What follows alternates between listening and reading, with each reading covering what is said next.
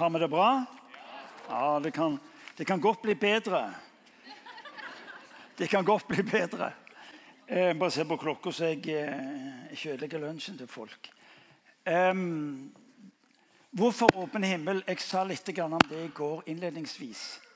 Eh, og um, For meg personlig så er åpen himmel noe mer enn at religiøse mennesker kommer sammen eh, i det samme rommet. For meg har åpen himmel blitt sånn Det er et sted jeg kommer til fordi at jeg trenger det. I all min travelhet og i all min kristelighet så trenger jeg altså få lov til å være et sted hvor jeg kan være over tid for å la Guds ord, eh, la Guds ånd, men også fellesskap med dere ha betydning i livet mitt. Og Derfor er det riktig som, som Thomas sier.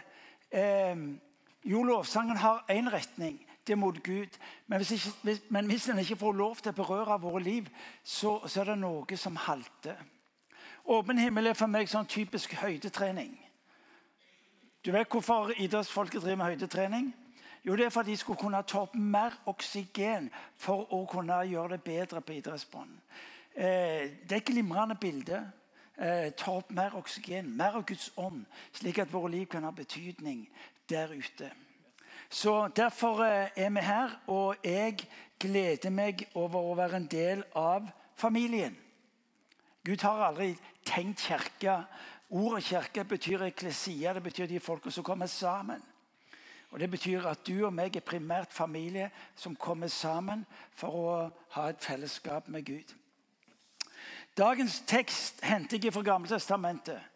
Eh, og Overskriften på den teksten er egentlig at Gud bruker ordinære mennesker. Jeg sa litt om det i går, og du skal få det enda mer i dag. Eh, når du og meg ser på våre liv og ser hva det skal bli, så begynner vi å sammenligne. Vi begynner å sammenligne med andre.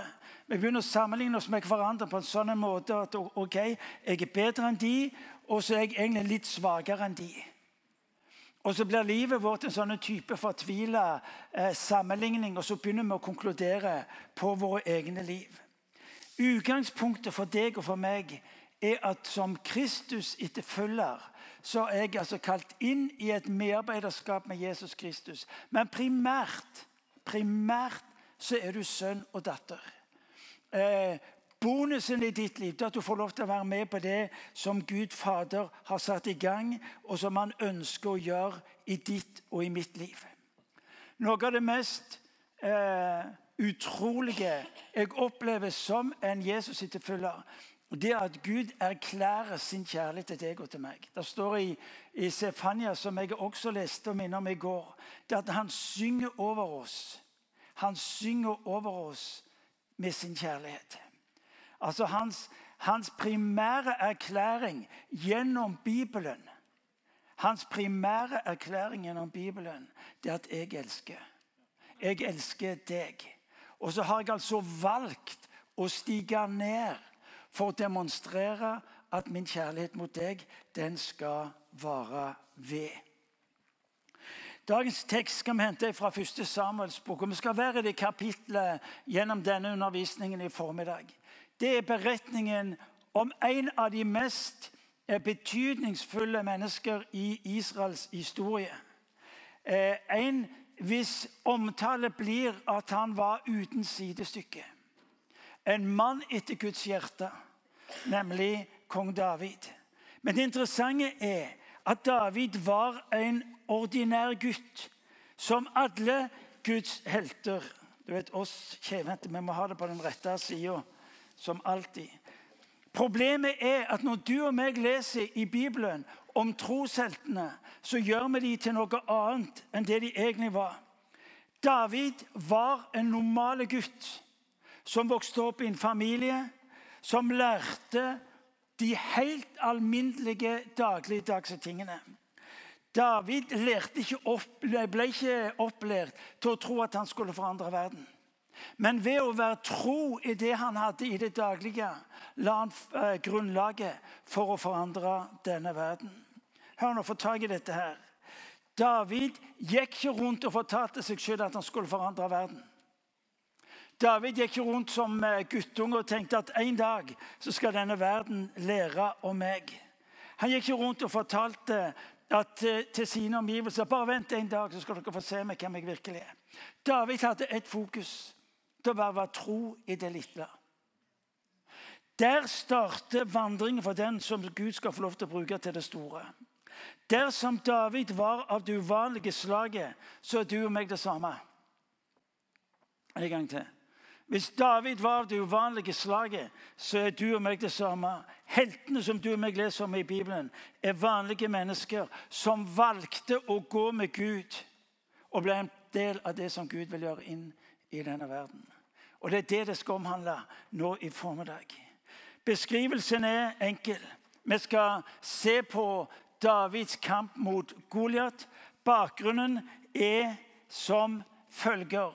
Filistrene Eh, et folkeslag eh, hadde utfordret kamp mot Israel. Og de møttes i en dal, en svær dal, hvor du hadde filisterherren på den ene sida av dalen. Og så var da eh, Israel og jødene på den andre sida av dalen. Der sto de også eh, så på hverandre, analyserte muligheter osv. Hva slags type strategi de skulle ha for å kunne vinne denne kampen. Og så skjer det noe. Mens de sitter, mens de sitter eller står der, så, så kommer det plutselig fram en mann fra filistrene. Denne mannen Goliat omtales som en kjempe.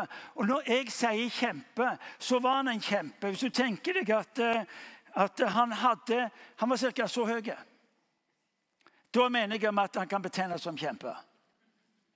Og vi kan godt forstå at når israelsfolket eh, hørte og så fra Goliat, så kan vi godt forstå at de ble redde. Det interessante er at de ble livredde.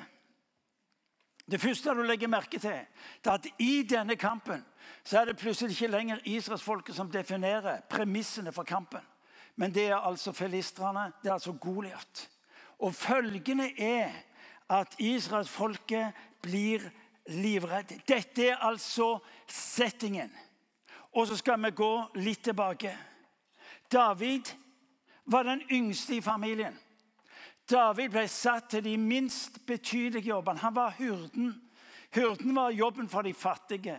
Hyrden var jobben for de som eh, egentlig ikke kunne bruke til noe særlig annet enn å passe på sauene. David eh, var altså den yngste, fikk den minst betydelige jobben. Men jeg så senere at han var den som ble sendt rundt til å være ærens gutt. Han måtte gå med mat, leser vi i teksten. Han måtte gå med mat til eh, sine brødre. David var lydig i de små tingene. Og Hvis ikke du og vi får tak i dette, her, så vil vi heller aldri skjønne når Gud tar oss inn og setter oss inn i større ting. David var lydig i de små tingene, som ble treningsbanen for de store ting senere i livet. Utgangspunktet for seieren og igjen så sier jeg at David er tro i smått. Og så sier Guds ord at når vi er tro i smått, så vil han sette oss over større ting. David levde ikke med tanke på en stor seier lenger ned på veien eller en kongetittel. Eh, jeg har vært 38 år som bysekretær og pastor i Imi kirke. 38 år!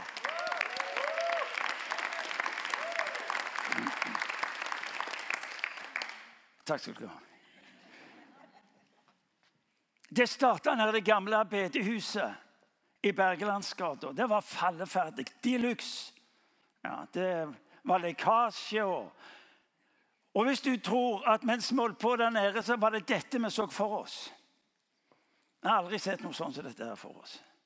Vi har egentlig aldri sett noe stort foran oss. Jeg har vært opptatt med å være tro mot det lille i hverdagen. Ja, Hva betydde det? Jo, Det betydde at når snøen dalte ned i Stavanger-området, så kom telefonen fra Oline så sier Martin, det snør. Ja, sier jeg. Det blir glatt, Martin. Ja, så du vil jeg skal komme ned og så koste fortauet? Ja, det hadde vært fint, for da kommer vi helt inn i bedehuset. Så denne her bysekretæren, han er tidlig søndag så var han der nede, og så, så feide han eh, fortauet. Fantastisk oppgave. For jeg var sammen 20-25 hovedsakelig gamle damer og noen halte menn. Og så Det er klart jeg ville jo at de skulle komme helt inn. Ja, det var ikke noe storslagent over det der. Nei. Litt seinere ringer telefonen igjen. Du, Martin, utedassen der er frøset i skåla. Ja, sier jeg, men det, det der går bra, vet du. Det der går bra. Jeg kommer ned, og så skal jeg fjerne is. Ja, det var hyggelig. For det er kaldt nok å sitte på det der låget om ikke skulle ja, ja, nei, jeg skjønner jo det. Ja, ja, ja. ja, ja jeg skjønner jo det. Ja. ja folk sier til meg, Martin, du ja, Har du alltid tenkt på å skulle bygge dette? Nei, jeg har aldri tenkt på det før det plutselig ble aktuelt. Du, Martin. Du, det er rotter på kjøkkenet i kjelleren. Er ikke mye storslagent over det der. Vi er enige om det? Ja, Det er ikke noe sånn. Det er ikke vyer om stort lederskap og forkynnelse som har betydning innflytelse. Jeg kommer der og tar han. Fant han jo aldri. Om det var fordi at jeg ikke tok sjansen på å finne han. Hvem av oss hvem av oss leter med viten og vilje til ei rotte på den størrelsen? Ja. Man? Ja, det er noen få som gjør det. De fleste av oss hadde sagt jo, jeg så den. Hva?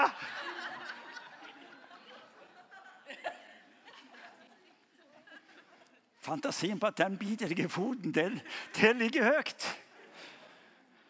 Ja. Trofast i smått. Tro i smått. Ja. En turist som kom til ei bygd, og så spurte han en som han traff på veien, en bonde. Det er født noen store menn her i bygda. Og Så sier denne bonden etter det han visste, var de alle sammen født små. Få tak Ja, det visste jo dere òg, da. Ja. Men, men få tak i selve saken. Det at Når livet starter i Guds rike, så starter det ikke med kjemper. Det starter med mennesker som vil våge å være tro i smått mot det Gud gir dem å leve i. Det betyr ikke at det er ubetydelig, men i det som er lite, lærer du å se etter Guds godhet og Guds nåde og Guds kraft. David var den minste den minst betydelige. Han var ærensgutten for de andre. Det er ikke farlig å være ærensgutt hvis det er det Gud setter deg til å være. Ikke farlig å ha en såkalt ubetydelig jobb hvis det er der Gud har satt deg. Det han, kall, det han forventer, er at du er tro der du er satt. Og ikke, ikke begynne å regne på jobben din som ubetydelig fordi de ikke har den innflytelse du skulle ønske. Hvis du er tro mot det lille Gud har satt deg, det skal jeg fortelle deg, det har betydning. Som oftest er vi på vei til noe annet, og så mister vi nettopp den muligheten til nettopp at eh, underet skjer i det såkalt ubetydelige. Og det var det som også var kjennetegnet for David. Og så kom han inn på arenaen denne tenåringen, ca. 17 år gammel. Og Så ser han hva som er bildet. Faren sender han eh, ut for å gi mat til sine brødre. Og Så kommer han inn på arenaen så ser han altså tusenvis av soldater av, fra filistrene på den sida. Og så ser han eh, sine egne, sitt eget folk på den andre sida. Og så begynner han denne guttungen. Og så begynner han å stille spørsmål. Du leser om dette i 1. Samuels bok, og så skal vi begynne å lese litt utover. Det står om denne filisteren at han kom fram.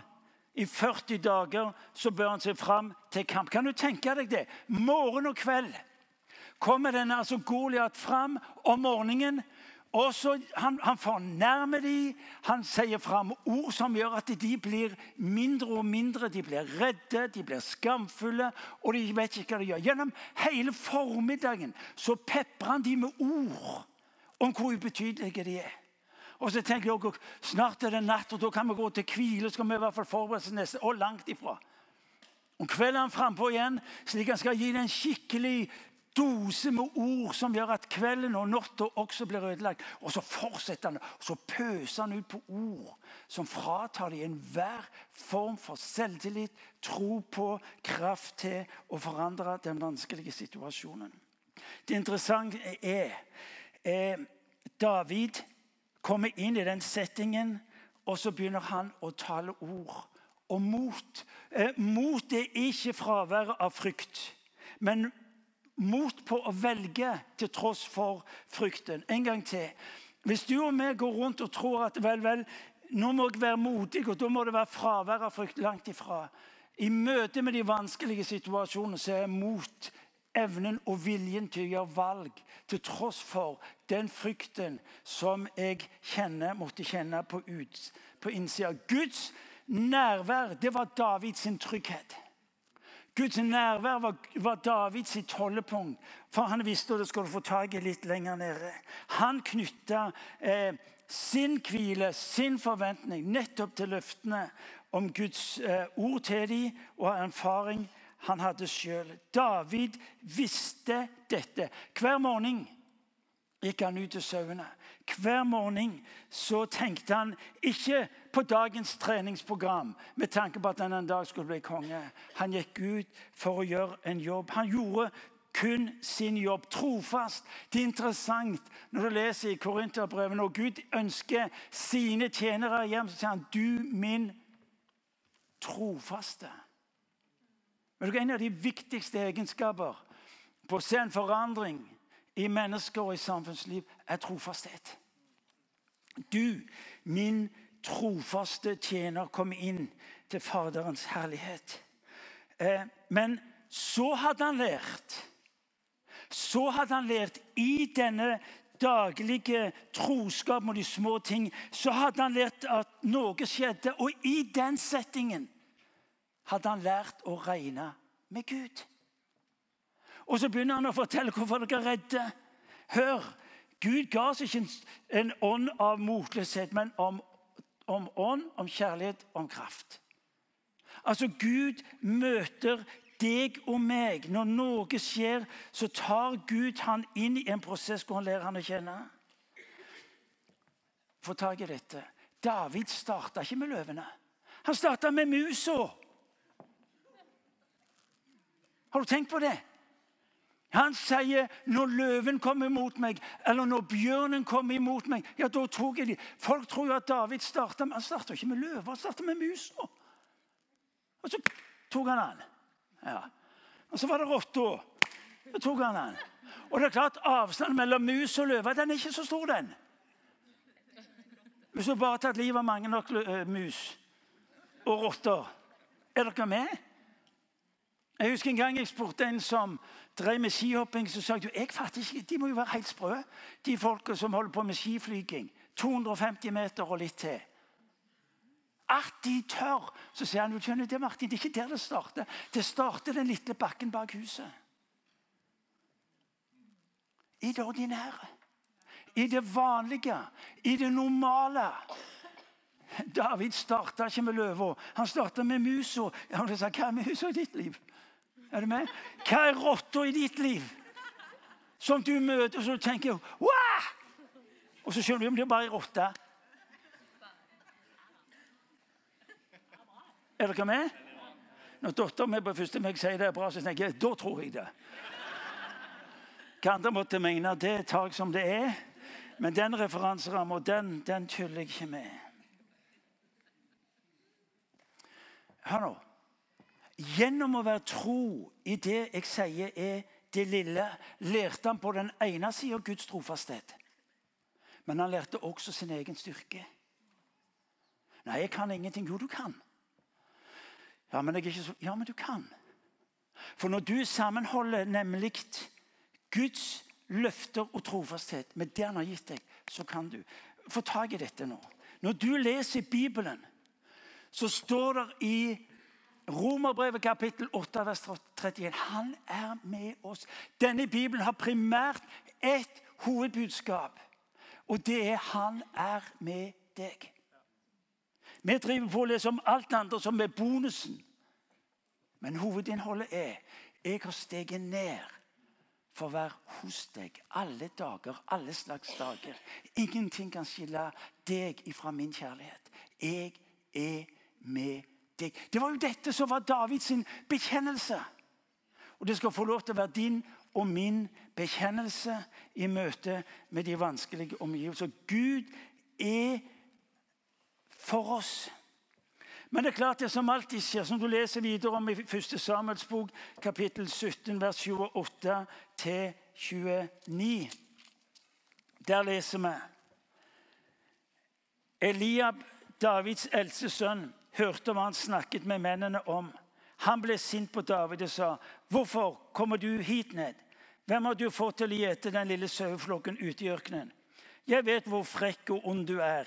Du er bare kommet hit ned for å se på slaget.' 'Hva galt har jeg gjort?' svarte David. 'Jeg spurte jo bare.' Så vendte han seg fra broren og gjentok spørsmålet for en annen.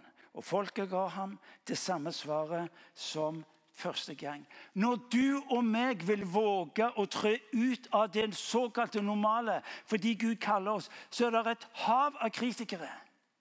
Det er mennesker som står rundt deg, som vil begynne å kritisere. Kritikken er naturlig følgesvenn for den som vil gå med Gud. En gang til. Jeg får ikke tak i det. Kritikk er den naturligste delen for den som vil gå med Gud. Men de har ikke lov til å steine oss i dette landet. Er du med? Det var jo kritikken fra fariseerne og de skriftlærde som til slutt førte Jesus til korset. Misunnelse står der. Misunnelse. David lot seg ikke styre av kritikken. David lot seg ikke bevege av kritikken. Det er det du og meg møter jeg vil sagt, på vår egen hjemmebane. Eh, det er der du og meg lærer hvordan vi skal kunne møte kampene på bortebane. For det som skjer med David, det er at han begynner å hva er det han gjør? Han begynner å minne seg sjøl og omgivelsene om hvem Gud har vært i hans fortid. Gud kaller deg og meg til å bli en del av hans fortid en gang til. Han ber deg og meg å være en del av den fortida som du får lov til å ha med Gud. Og Vi rører her, tror jeg, kanskje med noe av det mest tankevekkende. Og jeg tror dette må vi få tak i. Vi har blitt et, et, et kristenfolk som er redde. Det slår meg under lovsangen det at vi har på et vis plassert oss på den ene delen av dalen. Og så ser vi, og så forholder vi oss til kritikken, til såkalt fornærmelsen som kommer mot oss som ønsker å være Jesus' etterfølgere. Og så defineres livet vårt ut ifra kritikerne, ut ifra hva andre måtte mene. Gud kaller oss til å være et folk som står opp, og som ikke lar oss definere livet vårt ut ifra omstendighetene eller ut ifra kritikerne våre. Det mest tankevekkende i denne beretning for meg nå for tida, det er at det blir et bilde av hvem kirka er i vårt eget land. Vi er ikke lenger et folk som får lov til å gripe tak i Guds løfter, men vi begynner å definere oss i forhold til hva folk sier om oss. Det var akkurat det Israelsfolket gjorde. Goliat kommer fram og sier han, kom an, jeg er klar til å ta dere. Og Så sitter de der og så begynner de å spørre ja, hva skal vi gjøre når vi nå møter denne Goliat. Ja, ingen av oss klarer å møte han. Konklusjonen er at vi gjemmer oss. Og så har vi blitt en kirke som gjemmer oss i kirka og på bedehuset. Av kristne. Litt puslete, pinglete. Er du med? Det er sånn. Og så, og så går tida, og så begynner vi å tilpasse oss. Forstår dere meg? Ja. Spør folket som er utenfor kirke og bedehus om deres mening om de kristne og det kirke. Så får du en hva? De er, de er litt sære. De er litt spesielle. Og så kommer alle disse ulike betegnelsene på oss. Ja, Stakkars dere, dere må jo ha ei krykke. Et eller annet så dere kan støtte dere til når livet blir krevende og vanskelig. Hvordan jeg vet det? Jo, fordi tausheten fra våre liv ut i samfunnet faktisk er alarmerende. Det står om Saul og soldatene til de Kan du se de for deg? Fordi at kritikken og kraften fra denne Goliat var så voldsom. Og så ble de redde. Og så har vi blitt et kristne folk som er redde. For det virker så massivt, denne hæren som står på andre sida. De tar fra oss tilskuddene. De tar fra oss bevilgningene. De tar fra oss alle støtteordningene. Og så begynner vi å regne på alt det vi står i fare for å miste. Så begynner vi med regnestykkene som forteller oss at egentlig så berger, berger seg den som berger seg kan. Forstår dere meg? Det er et faktum at det norske folket ser på oss kristne som litt rare. Selsomme, sære. Hvorfor? Kan det være fordi at vi har Vi styrtes av frykt? Hva vil jeg mene? Hva vil jeg gjøre? Dere vet at Dimi har vært i media de siste månedene. Heftig. Det er et faktum. Det er et faktum at vi har ikke mottatt én eneste telefon fra andre kirkeledere i dette landet. Det har ikke vært en som har, eneste som har stått opp i media og sagt vet du hva? Dette er folk som ønsker å bety en forskjell. Og vi vil gå sammen med dem, og vi vil lære av dem. For frykten for å bli assosiert med det som skjer i dette huset, er så massiv at det er tausheten og frykten Så. Thomas sa en gang om å bli Hva var det du sa, Thomas? Guilty by association. Denne teksten skal få lov til å være en tekst som tar oss ut av tausheten, anonymiteten. Ut av det å komme hjemme oss fordi vi er så redd for hva denne verden måtte mene om oss. Mens denne verden egentlig lengter etter å få tak i. Hva er det med denne Gud som har en sånn stor betydning i denne verden? Vi ser ikke på filistrene som fiender. Vi ser ikke på de såkalte motstanderne som fiender. For det vi tror at de dypest sett og egentlig lengter etter, å få et møte med Gud. De vet det bare ikke sjøl. Er dere med? Vi skal slippe å Du må gjerne klappe.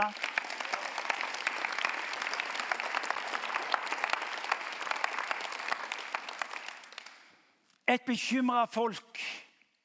Vi vil ikke være et bekymra folk. Vil vi det? Vi vil ikke være folk som driver på å gjemme seg i kirke eller bedehus eller i anonymiteten. Vil vi det? Nei. Ja, men Betyr det at vi skal ta oss, lufte oss sjøl etter håret? eller? Ta oss... Nei. Hva er det David gjør? Israelsfolket hadde glemt hvem Gud var i deres liv. Og så lot de livet defineres ut fra omstendighetene. Hva er det David gjør? Og vi skal lære fra vers 34 til vers 37. Hva er det han sier? Han sier, hør. Da sa David, din tjener har gitt småfe for sin far. Kom det da en løve eller en bjørn og tok et fe fra flokken, sprang jeg etter den, slo den og rev fe ut og ga på den, og reiste den seg mot meg, grep jeg den i manken og slo den ned. Både løve og bjørn har din tjener felt, og det skal gå denne uomskårne filisteren som dem. For han har hånt den levende Guds hær. Og David sa, Herren som har berget meg fra løve og bjørn, han skal også berge meg fra denne filisteren. David eh, eh, løfter fram de tidligere seirene og løftene som han hadde fra Herren. Nøkkelen til å stå opp og bety en forskjell er ikke å ta seg sammen, men det å våge å bekjenne, som en David, som Gud holdt sin hånd over meg i møte med løven og bjørnen, vil han gjøre det samme i møte med denne filisteren.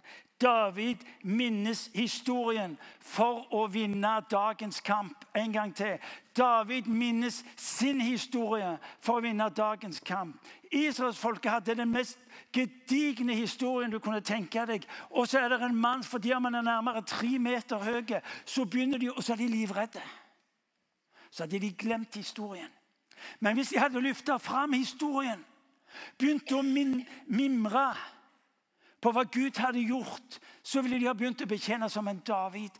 Og så blir historien kilde for å se annerledes og handle annerledes. Fordi du får en kontakt med hvem Gud var i deres liv i fortida. Abrahams Gud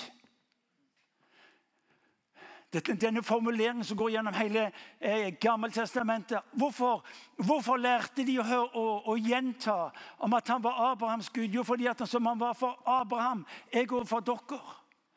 Isaks Gud jo, som jeg var for Isak, jeg går for dere. Som jeg var for Jakob, ja, så jeg går for dere.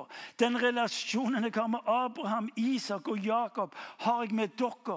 Som jeg holdt min beskyttende hånd over Abraham, Isak og Jakob, så gjør jeg det samme med dere. Kommer dere ikke i hu, lyder det igjen og igjen i Israels historie. Men i møte med kampen og det umulige hadde de glemt det.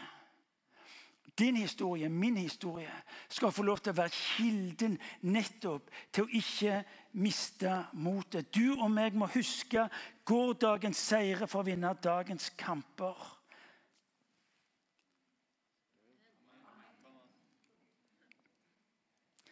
De blir overbevist. Ja, Hvor overbevist de er, det vet jeg ikke. Men står litt lenger nede, står det i vers 38-40, så leser vi at uh, så leser vi at de sier Skal vi se Da sier Saul Saul lot David få sine egne klær, satte en bronsehjelm på hodet hans og iførte ham en brynje. David bandt Sauls sverd utenpå klærne og forsøkte å gå, men forgjeves, for han hadde aldri prøvd dette før.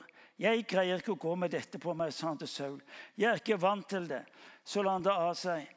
Og I stedet tok han staven sin i hånden, valgte ut fem glatte steiner fra elveleiet og puttet dem i gjetervesken som han hadde over skulderen. Slyngen hadde han i hånden. Så gikk han fram mot filisteren. Gud kaller deg til å være deg. Denne del av beretningen er så viktig for deg og meg å få tak i. For i møte med det vanskelige så står vi i fare for å skulle være noen andre enn de vi er.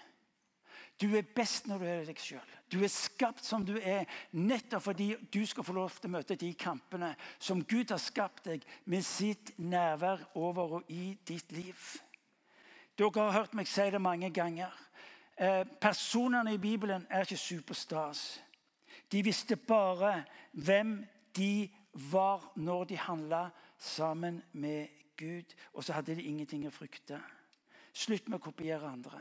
Gud har aldri bedt deg om å kopiere de andre. Han har bedt deg om å være deg sjøl. For nettopp der er du best. Slutt med å sammenligne deg med de andre.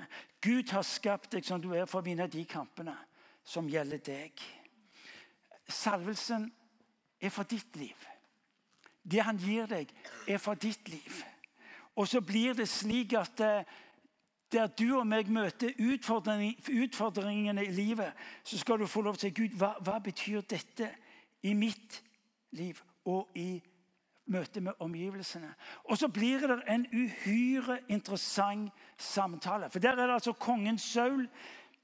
Legg merke til ingen av Israels soldater vågte Goliat, men de er villige til å ofre 17-åringen.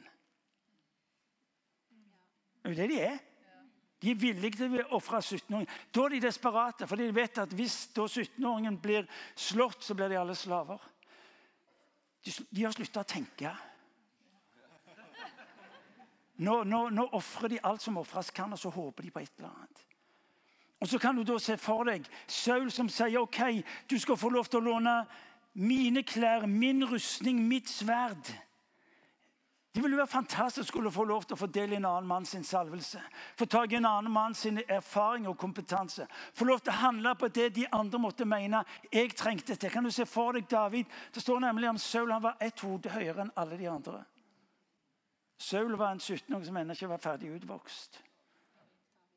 Ja, David. David var ennå ikke utvokst, og så skulle han så skulle han der møte utfordringene med en annen manns klær, en annen manns utrustning, en annen manns kraft.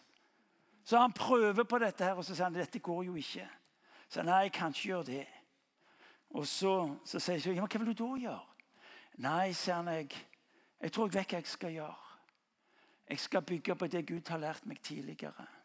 Jeg skal bygge på det som Gud har gitt meg, og gå med. Ja, hva er det for noe?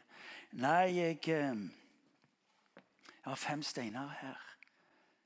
Hva sier du, sier Saul. Jeg har fem steiner her. Ja, men du er klar over hvem du snakker om? Ja. Ja, men tror du Hør nå. Når mennesker handler i tro på det Gud tar dem inn i, så er det så mange spørsmål som begynner å bli av Ja, men du kan ikke gjøre det. Det, det går jo ikke, det. Ja, hvem tror du du er? Ja, tror du det hjelper? Og så er, det, så er denne her altså flommen av ord som vil ta fra oss frimodigheten. Nei, så jeg har disse fem steinene. Ja, men sier Saul, er ekspert på krig. Jeg vet hvordan det er å slåss. Og så sier David ja, det er mulig, det er sant, men denne kampen har du aldri vært i. Denne kampen har du aldri vært i. Når du og meg møter Gud, som så tar oss inn i det som er av Han, så skal ditt og mitt spørsmål få lov til å være Gud, hva gjør du? Davids bekjennelse var jo nettopp at Gud handla når han hadde lært seg å forholde seg til Gud. David visste, og du hører det i hans bekjennelse litt senere, at han brukte det han sjøl var best på. Du, det er mange forslag med hensyn til våpen når vi som kirke, og der du kommer fra som, som menighet, eller på den jobben som du er i, kallet blir om å handle annerledes. David gjorde det som han var best på.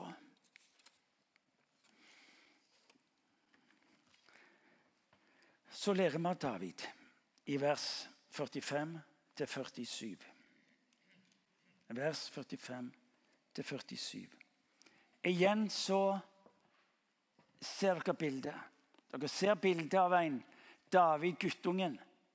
Dere ser bildet av Goliat, den umulige kampen. Og så ser du hvordan David forholder seg. Vi leser fra vers 45. David svarte, 'Du kommer mot meg med sverd, spyd og sabel.' 'Men jeg kommer mot deg i navnet til Herren over herskerne.'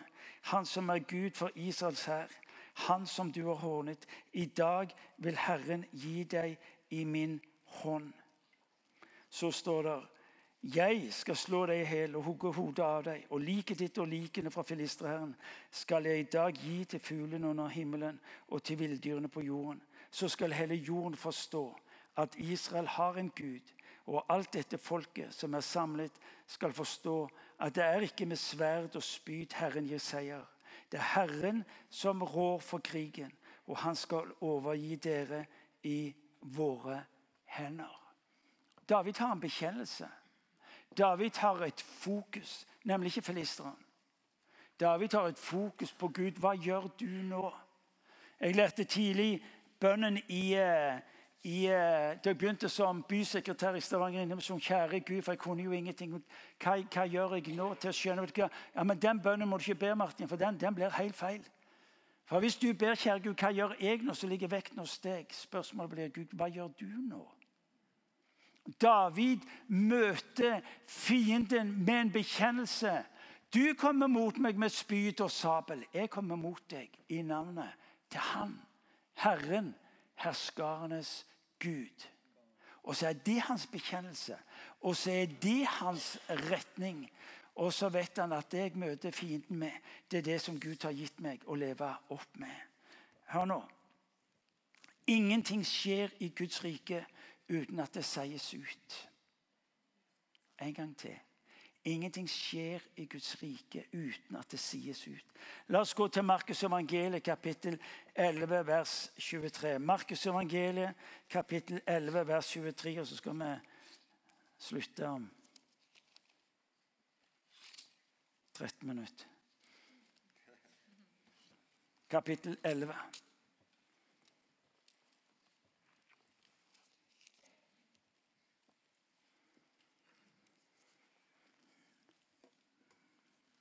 Disiplene har møtt noe som på et vis sjokkerer dem. Og så blir spørsmålet hvordan, hvordan forstår vi dette? Og så lyder ordet fra Jesus til, til disiplene ha tro til Gud. ha tro til Gud. Det står egentlig 'ha tro som Gud'. Ha tro til eller ha tro som Gud. Fordi Gud gir deg sin tro. Gud, hva gjør du nå?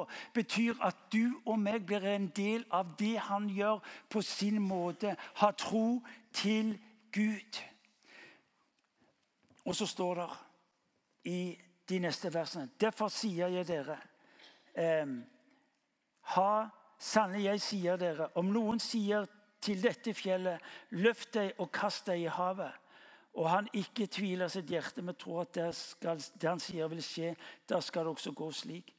Derfor sier jeg dere, alt dere ber om i bønnen, bønnene deres, tro at dere har fått det, og dere skal få det. Si det ut. Hør, folkens, det er ingenting som skjer uten det tales ut. Eh, Gud sa, Gud bød, og så skjedde det, og så sto det der.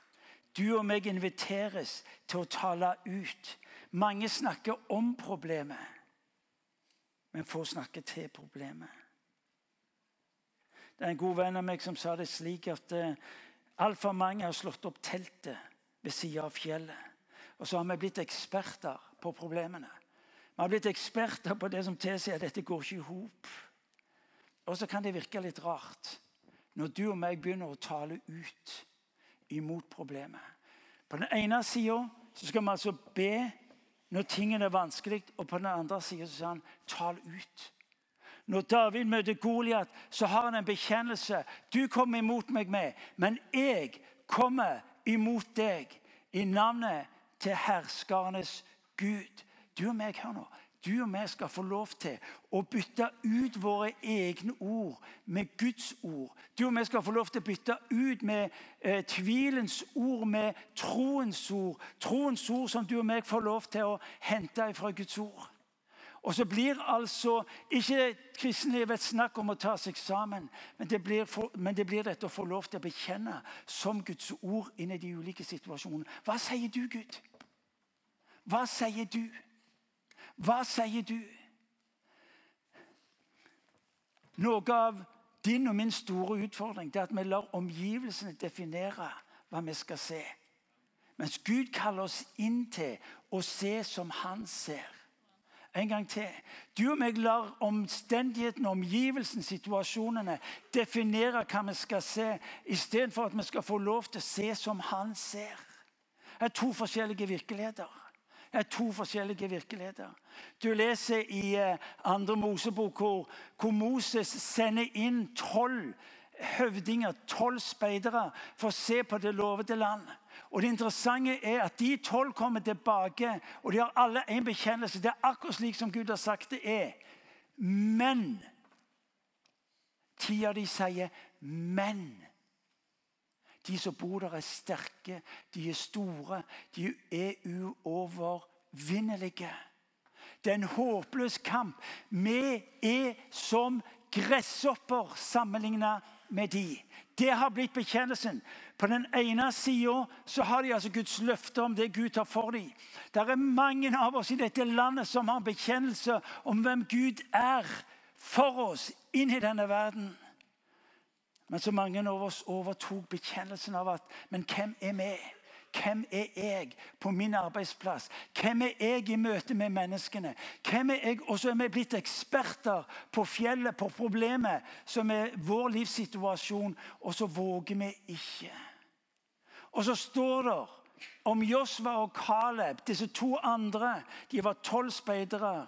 Ti av dem hadde en rett bekjennelse, men de hadde en feil erkjennelse når det gjaldt disse egne liv. Så hadde du disse to, Josva og Caleb, disse unge. Og så sier de hvis Gud har godvilje for oss, legg merke til så er landet vårt og disse såkalte kjempene er som en brødbit å regne.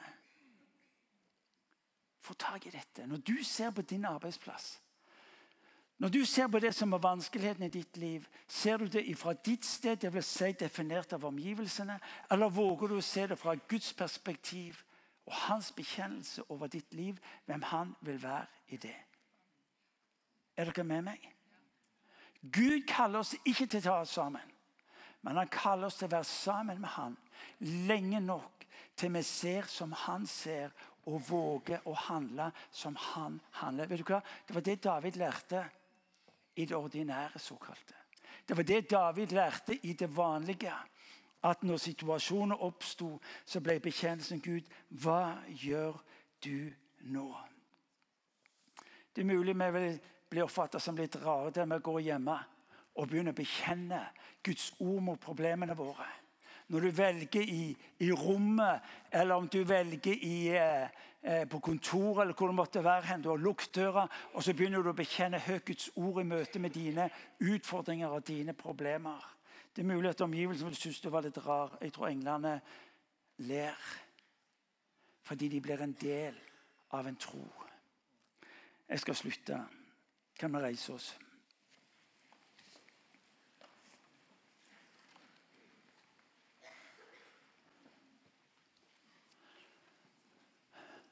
Alle, alle har vi kamper og utfordringer i våre liv.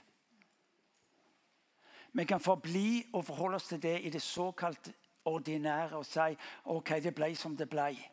Og så blir livene våre å gjøre det beste ut av det. Gud har aldri kalt deg og meg til å gjøre det beste ut av en situasjon. Gud har kalt deg og meg til å se Hans rike gå fram i det som oppleves som umulig og vanskelig. Hvordan vinne kampene i ditt og mitt liv? Jo, det starter med å være trofast i de små tingene. For det er i de små tingene med overgivelse at du og meg forberedes for å skulle møte de store kampene og også vinne de. Vær deg selv, har du hørt. Gud har ikke kalt deg til å være en annen. Gud har ikke kalt deg til å være en sånn en, eh, kristelig superstar. Han har kalt deg til å være deg sjøl, for det var derfor han skapte deg som du er. Og der du gjør nettopp ditt liv, din historie, til din arena, vet du hva? der har Gud sagt der vil jeg være. Slutt å sammenligne deg med de rundt deg. Lær av de, men det er noe helt annet enn å skulle kopiere ifra de. Hør nå. Du og meg skal få lov til å være de med Gud har skapt oss til å være. Og så må du få tak i en ting. Du må begynne å føre journal. Du må begynne å føre en journal som forteller om Guds velsignelser i ditt liv. De møtepunktene hvor du erfarte at Gud greip inn. Det er sånn at Når kampen tar oss, så, fordunster det der. Og så mister vi det. En gang til. Jeg vil du skal gå hjem når du er ferdig her, så vil jeg at du skal gå hjem og så skal du skrive ned hvor er det jeg har sett at Gud har holdt sin hånd over meg. Hvor er, hvor, er, hvor, hvor er, musene i mitt liv? Hvor er rottene i mitt liv? Hvor er løvene? Hvor er bjørnene i mitt liv? Og så blir det altså nettopp en påminnelse at som Gud holdt sin hånd over meg der, vil han holde sin hånd over meg i møte med nye vanskeligheter. Og om du ikke har de store, såkalt sterke vitnesbyrdene, ja, men så låner du ifra andre. Når vi fortviles over at det er kamp og vi når ikke gjennom med vitnesbyrdene vi ber for syke, ja, hva gjør vi da? Da begynner vi å minne hverandre om, om Guds inngripen. Så blir Adrian et vitnesbyrd, og så, og så blir de forskjellige vitnesbyrdene de blir en, noe som hjelper oss i tro til å handle. David minner omgivelsene om Guds inngripen i historien. Du inviteres til å gjøre det samme. Du inviteres til å lære, å ta med deg vitnesbyrdene fra omgivelsene. Og så er du modige. Og om du ikke har vitnesbyrd fra eget liv, om du ikke har vitnesbyrd fra omgivelser, så er Bibelen full av vitnesbyrd om hvordan Gud handler i historien. Og i møte med situasjonen i Norge i dag så skal det få lov til å være for deg og meg å si Gud, vis oss hvordan du handler i historien. Hvor du forandrer samfunnet. Så blir en Hans Nilsen Hauge nettopp et vitnesbyrd om hvordan Gud, denne ene mannen, forvandla en nasjon. Ja, Gud, vil du handle inn i vår historie? Har, og så skal du få lov til å vite han har ikke gått ut på dato. Du og meg har ikke gått ut eh, på dato. Men du og meg trenger å huske og memorere, slik at vi møter de vanskelige situasjonene. Ja, så har vi historien. I dager, I dager av kamp og motgang så skal du og meg få lov til å gjøre som David. Det å minne oss på hvem Gud er, og hvordan han har holdt sin hånd over oss. Og så til slutt tal det ut. Tal det ut. Som du kommer mot meg, og så kan du definere, og du kjenner godt til, for vi blitt ekspert av problemene. Så skal du få lov til å si Gud, hva, hva gjør du her? Og så skal du få lov til å begynne å si fram Guds ord. Guds løfter, Guds nærvær. Og så skal du si Gud, du husker at Og så, og så blir altså en situasjon ikke slik hvor du er viljeløst overlatt til omstendighetene. Kryper sammen og håper det skal gå forbi. Gud har kalt deg til å stå opp. David sto opp. Det står at Han tok et steg fram, og så, og så talte han imot denne filisteren. Jeg vet ikke hva som er din situasjon, men her er invitasjonen. Det er ikke å slutte fred med fjellet i livet ditt. Det er ikke å slutte fred med de vanskelige situasjonene i livet ditt. Det er ikke å akseptere at slik er det, og slik skal det alltid være. Du skal få lov til å lære av en David som skal si hva var det han gjorde. Så la oss være stille innenfor Gud, og så vil vi be. Herre Helligånd, vil du komme til oss den enkelte nå? Vil du tale inn i våre liv? Vil du, Herre, berøre våre liv her vi står? Kom, Helligånd.